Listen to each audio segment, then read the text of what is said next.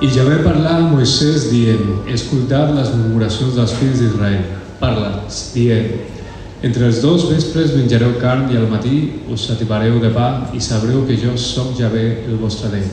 I s'esdevingué que al vespre pujaren les guàrdies i cobrirem el campament i al matí hi havia una capa de rosada al voltant del campament. I quan la capa de rosada s'esvia, Heus aquí, sobre la superfície del desert, hi havia una cosa menuda, granulosa, menuda com els flocs del gebre sobre, la terra, sobre el terra. I en veureu, els fills d'Israel es digueren els uns als altres, què és això? Per què? No sabeu què era allò? I Moisès els digué, això és pa que ja veu us ha donat per menjar. Aquest és el precepte que ja ha manat que cadascú n'aplegui segons el seu menjar, un home per cap, segons el nombre de les vostres persones. Emprendreu per a cadascú que sigui a la seva tenda. I els fills d'Israel ho feren així, i alguns es van aplegar més i d'altres menys. I ho mesuraven amb l'home, i el qui n'havia aplegat molt no li sobrà, i el que n'havia aplegat poc no li manca. Cadascú n'havia aplegat segons el seu menjar, i Moisès els digué, que ningú no em deixi per al matí. Però no hi obeirien Moisès. I alguns d'ells em deixaren per al matí. I allò feu cucs i feia pudor. I Moisès s'esdignà contra ells. I cada matí cadascun aplegava segons el que li caia per menjar, i quan el sol començava a escalfar, es fonia. I s'esdevengué el dia sisè, que aplegaren el doble de pa, dos homes per cap, i tots els prínceps de la congregació vingueren i ho explicaren a Moisès. I ell els digué, això és el que Javé ha dit. Demà és dia de repòs, el dissabte sant per a Javé. A Javé. Coeu el que heu de coure, bulliu el que heu de bullir, i el que resisti i el que resti de seu-vos i ho guardareu per al matí. I ho deixaren fins al matí, com Moisès havia manat, i no feu pudor i no hi havia cap cup. I Moisès digué, Mengeu avui perquè avui és el repòs dedicat a Javé. Avui no em trobareu al camp. N'aplegareu sis dies, però el dia setè és de repòs. No n'hi haurà. I s'esdevingué que el dia setè alguns del poble sortiren a plegar-me i no en trobaren. I Javé va dir a Moisès, fins quan us negareu a guardar els meus manaments i les meves lleis? Mireu, com que Javé us ha donat el dia de repòs, per això, el dia sisè, ells us donarà, us donà pa per a dos dies, que cadascú s'estigui al seu lloc, que ningú no surti del seu lloc el dia setè, i el poble reposar el dia setè. Hola i benvingut al podcast de Ciutat Nova, una església protestant al barri 22 arroba de Barcelona.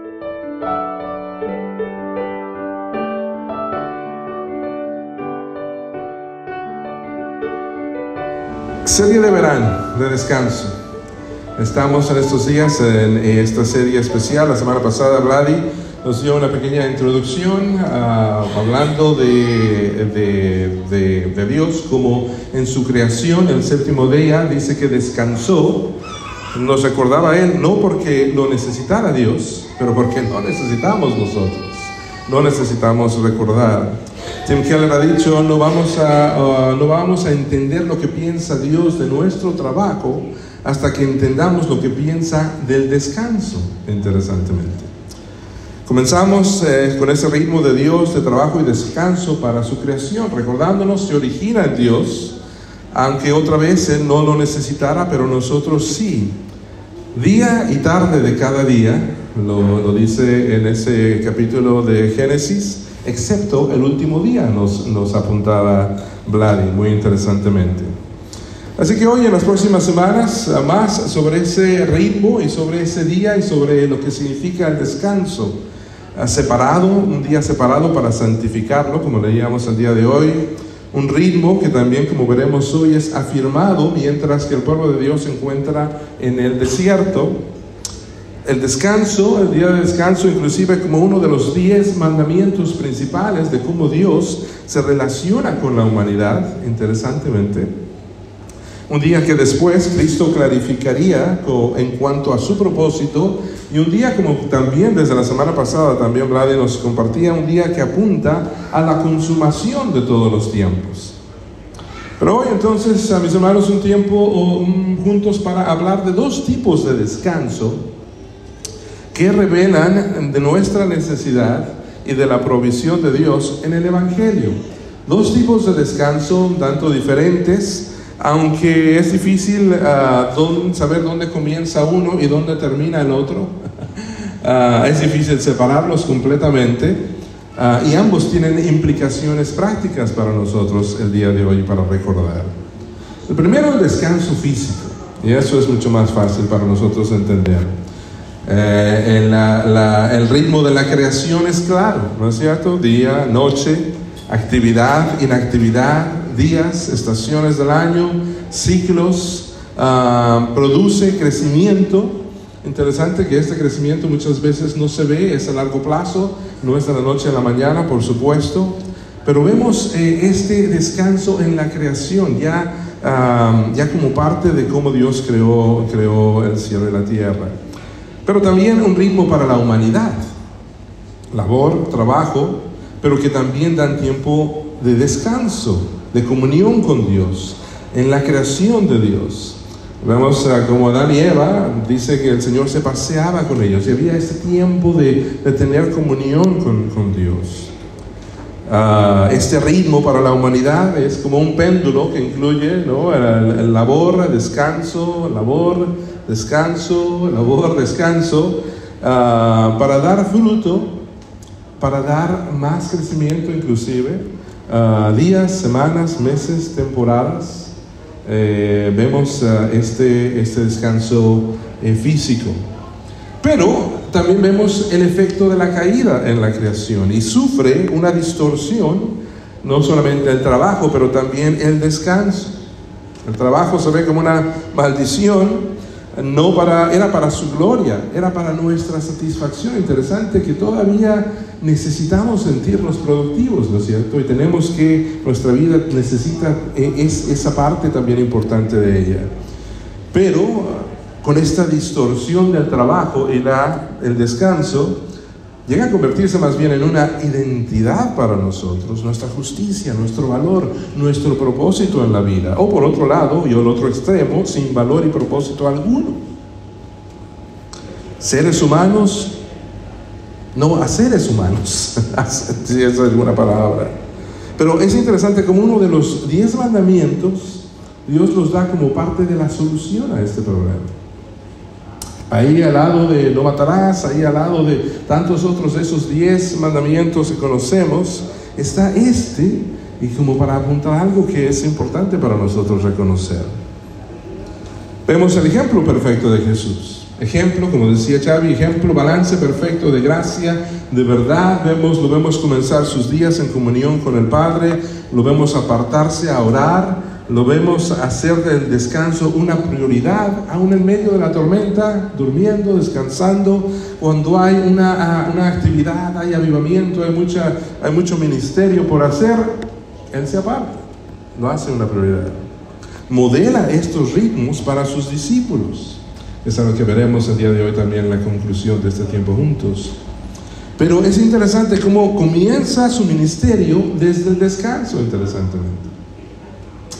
Eh, cuando el bautismo viene esa, esa, paloma que dice, este es mi hijo amado, eh, en quien tengo contentamiento, en quien me complazco. No había hecho Jesús todavía nada. Y ya estaba el agrado del Padre ahí. Es ese ejemplo perfecto del balance de trabajo y del descanso desde comenzar de, eh, de una, desde una postura de descanso.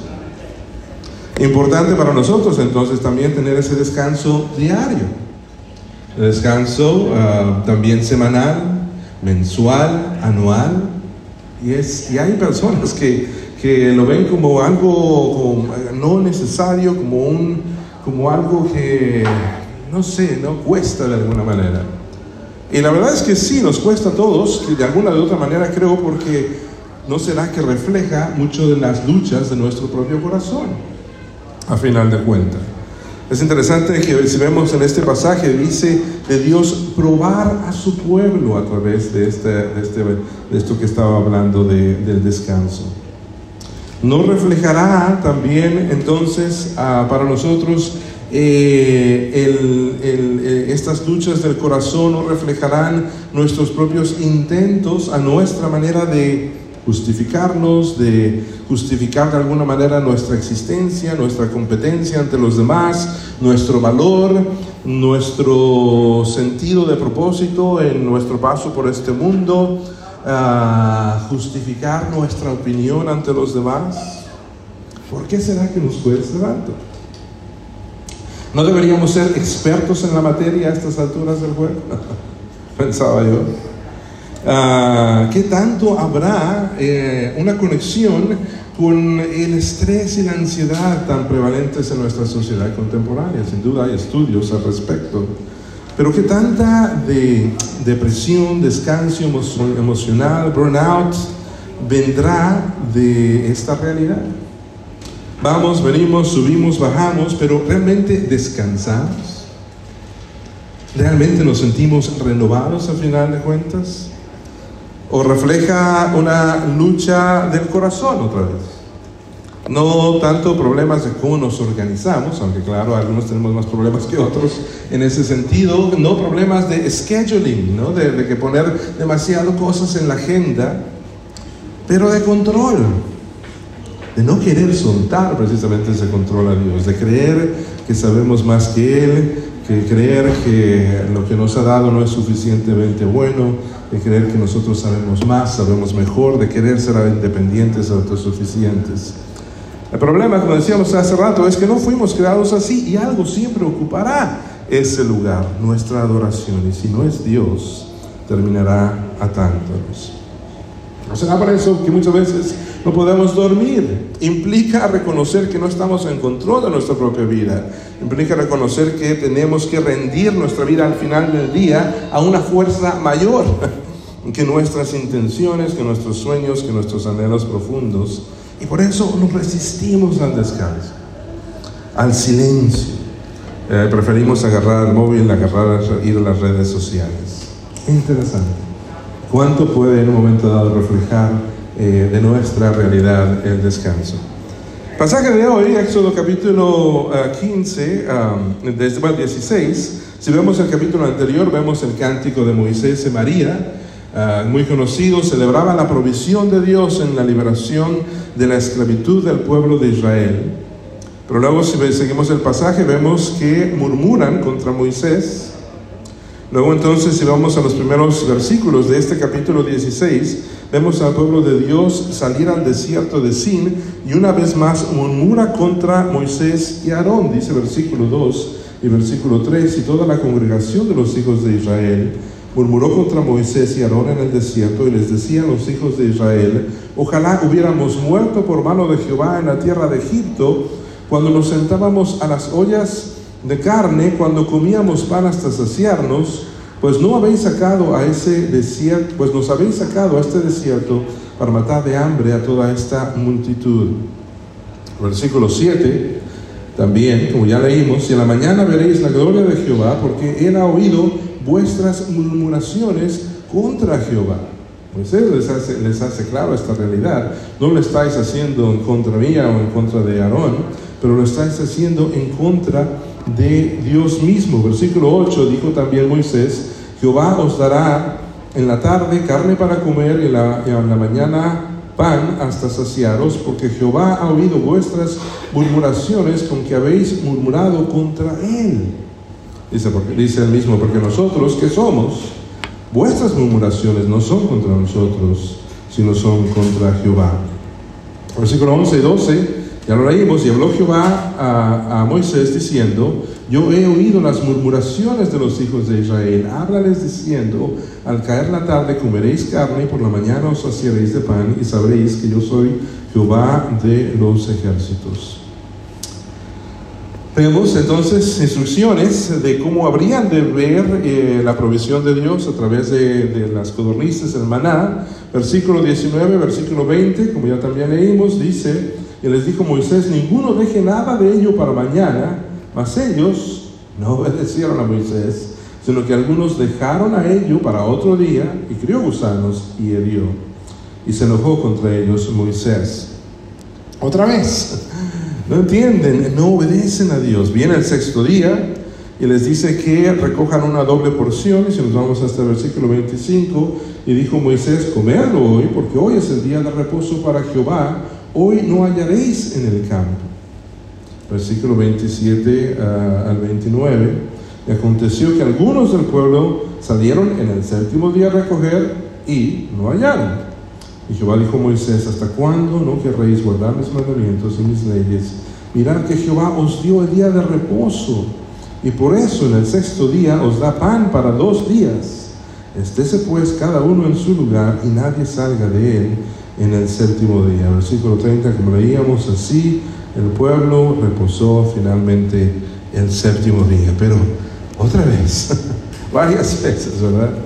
Ah, no es claro si el pueblo de Dios en este punto se encontraba ya observando el día de reposo, como después iba a ser eh, mandado, pero sí ya vemos esta, la importancia de este ritmo, que de trabajar por seis días y el séptimo día descansar, ya empezaba a ser un principio importante, principio espiritual que después encontraríamos en Éxodo capítulo 28 al 10, que sin duda lo veremos en las próximas semanas cuando dice, recuerda del día de reposo per santificarlo.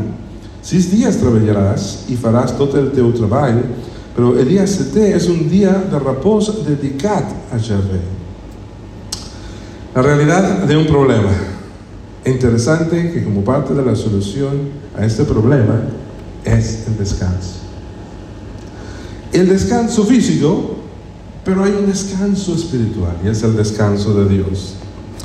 Las instrucciones de trabajar seis días y luego descansar empezaban a moldear en el pueblo de Dios la vida espiritual que Dios esperaba para ellos. Un ritmo que implicaba confiar en la provisión de Dios, que es Dios quien es el verdadero proveedor.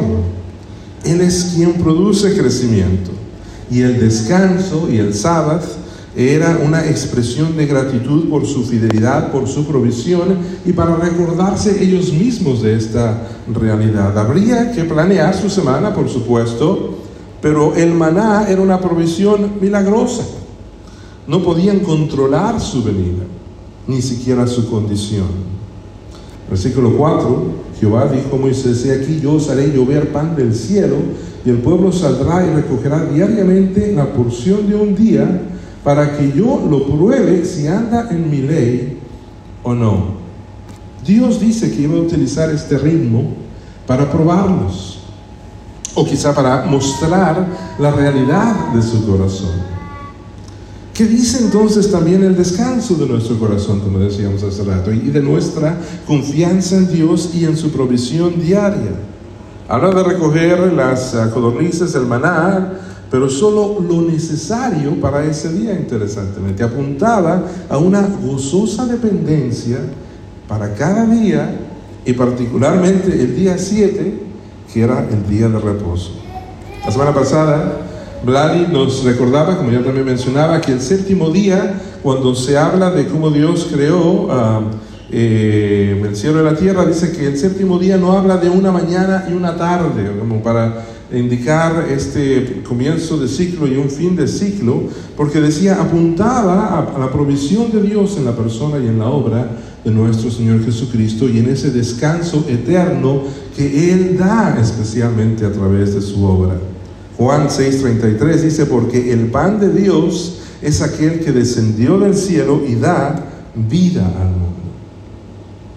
Gracias a Dios por su provisión en la persona, en la obra de Jesús, pero seguimos aquí, ¿verdad? Mientras tanto, todavía en la realidad de un mundo difícil, complicado, muchas veces para nosotros en la semana, uh, Él está restaurando todas las cosas, buenas noticias para nosotros, Él ha prometido completar su obra, estamos seguros en esa realidad, en esa verdad, Él nos llevará al final de casa, al final del día, a casa, sanos y salvos, pero vivimos en esa tensión todavía, ¿no es cierto? de un sí, pero todavía no, de un reino que es, pero que todavía no está o está por consumarse en su totalidad. Es interesante, me recordaba también un pasaje que vimos la semana pasada, Hebreos capítulo 4, lo usamos para nuestro llamado a la confesión y habla de esta misma lucha que estamos considerando el día de hoy. Hebreos 4 ah, dice, temem dons, no fos que restant una promesa de entrar en el seu repos, algú de vosaltres sembli no haberlo conseguido. Hebreos capítulo 4, versículo 1.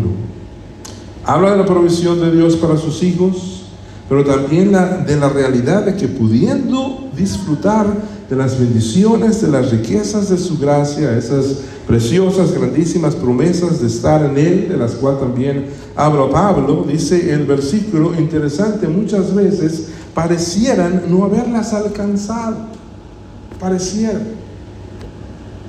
Porque quizá funcionalmente podemos muchas veces vivir como si Dios no existiera. Ateos funcionalmente, como si no fuera verdad, como si la provisión de Dios no fuera nuestra, como si tuviéramos que valernos por nosotros mismos en este mundo. Cuando en realidad tenemos todos los recursos del reino a nuestro favor, una cuenta con un saldo ilimitado de recursos espirituales para nosotros. Ganados por Cristo en la cruz del Calvario, pero lo olvidamos todos los días y pareciera que muchas veces no lo hemos alcanzado. No vivimos en línea con el Evangelio, como también diría Pablo a Pedro en otro momento, cuando éste precisamente había olvidado esta realidad y estaba actuando como huérfano, buscando la aprobación de los demás, cuando ya contaba con la más importante, la de Dios. Por eso interesantemente Pablo, al describir esta realidad, eh, cuando lo hace en su carta a los Gálatas, hace una comparación un tanto interesante para explicarla. Dice otra vez que actuamos como hijos o como esclavos. Y es interesante esta, esta, esta comparación, no dice entre hijos y no hijos, o no dice entre esclavos y libres, como lo esperaríamos, pero la comparación es entre hijos y esclavos. No será precisamente que es que cuando no actuamos como hijos, nos dejamos esclavizar por otras cosas. Que los hijos de Dios son libres, pero cuando no actúan como hijos, las cosas terminan esclavizándonos. ¿Como qué? Nuestra reputación, la opinión de otros, nuestra propia justicia y tantas y tantas otras maneras y cosas no necesariamente malas, pero que pueden llegar a tomar un lugar demasiado importante en nuestra vida se convierten en dioses a los cuales les rendimos nuestro tiempo, nuestra energía y nuestra devoción. También de ese mismo pasaje de Hebreos capítulo 4, versículo 10, porque el que ya ha entrado en el reposo de Él, también ha reposado de las seras obras como debo de las seras. El sábado era un recordatorio para el pueblo de Dios. Era una celebración de la liberación de la esclavitud y era una declaración de libertad. Apuntaba a ese descanso más profundo de Cristo um, que había ganado Él por nosotros. Jesús dijo que Él era el Señor del sábado, del descanso. Lo vamos a ver sin duda más adelante. El descanso de Dios nos permite vivir libres. De tratar de encontrar en este mundo la satisfacción, significado, seguridad que solo Él puede darnos, que solamente podemos encontrar en el descanso de nuestro deseo de ganarnos su atención, la salvación, su perdón, su favor, su amor. Porque descansamos en Él, podemos soltar las cosas que creíamos nos darían control aparte de Él. Podemos dejar a un lado nuestra justicia, podemos dejar de aparentar, podemos dejar de buscar impresionar. Descansamos porque somos profundamente amados. Nuestra identidad es la de un hijo, seguros en él, en el amor del Padre. Descansamos porque somos completamente perdonados. No hará nada, nada hará que Él nos ame menos. Descansamos porque somos aceptados. No necesitamos la aprobación, el reconocimiento de nadie. Ese es el descanso de Dios. Es un regalo suyo para sus hijos. Alguien ha dicho, el tiempo no es algo que se redime, el tiempo no se pierde o se gasta, pero en realidad el tiempo se santifica, se honra como un regalo de Dios. Nuestra sociedad contemporánea reconoce nuestra necesidad de descanso y trata de ofrecer los recursos que nos puedan ayudar. Muchos de ellos, bueno, sin duda, lo hacen. Pero quizá no son lo suficientemente profundos para darnos el descanso que buscamos. Dios hace una obra más bien de adentro hacia afuera, dándonos otro tipo de descanso, aparte del físico, emocional, necesario sin duda, pero uno que es espiritual, que viene, como decíamos, de una justicia externa a la nuestra, de una identidad recibida y segura y no una que buscamos encontrar o construir por nuestros propios recursos, y de una posición objetiva legal de hijos adoptados. Además, nos da su Espíritu quien obra en nosotros produciendo cambios profundos en nuestros afectos, valores, motivaciones y no solo en nuestro comportamiento externo. Para terminar, en Marcos capítulo 6, versículo 31, Jesús dice a sus discípulos, vengan, apártense de los demás a un lugar solitario y descansen un poco. Y él dice, veniu vosaltres en privat a un lloc desert i descanseu una mica, perquè eren molts els que anaven i venien i ni tenien oportunitat de menjar. Necesitamos en este verano apartarnos para físicamente descansar. Es parte de ese ritmo natural de la creación de Dios. Importante. Yo necesito recordar. Uh, sin embargo, el propósito de esto no solo es desconectarse de ese vaivén, de cargar baterías, energía emocional, de comer algo, tomar un respiro al aire libre. La invitación es del Señor a estar con Él, a tener un tiempo intencional para dejar los quehaceres y preocupaciones diarias, como Marta, y más bien descansar a sus pies, como María. Dijo Jesús, dijo Jesús otra vez, vengan, apártense de los demás a un, lugar, solitario y descansen un poco. Interesantemente, también dice Mateo 11, vengan a mí. No solamente vengan a un lugar, apártense, pero vengan a mí. Dice, todos los que están cargados y cansados, y yo los haré descansar. Veniu a mí todos los que esteu cansados y afeixugats, y yo, yo os faré descansar. Es reconocer que no solo nos entiende, pues Jesús mismo experimentó también pruebas y tentaciones como nosotros, pero que Él es la solución para nuestros problemas y preocupaciones. Que su palabra, su espíritu, sus promesas son sí en Él, como dice 2 Corintios. Que en Él estamos completos, como dice Colosenses. Y que como el salmista lleguemos a tener la convicción de que con Él nada nos faltará. Salmo 23. Las buenas noticias para ti y para mí son que podemos venir a Él porque Él ha venido primero a nosotros. Y que cuando nos apartamos para venir no solo con Él, pero también para venir a Él, experimentaremos una vez más no solo la comunión con el Padre, pero su provisión para nuestra alma cansada.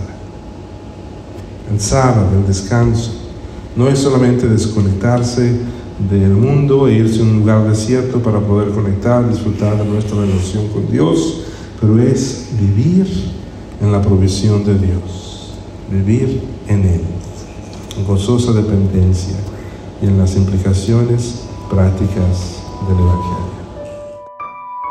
Gràcies per escoltar aquesta predicació.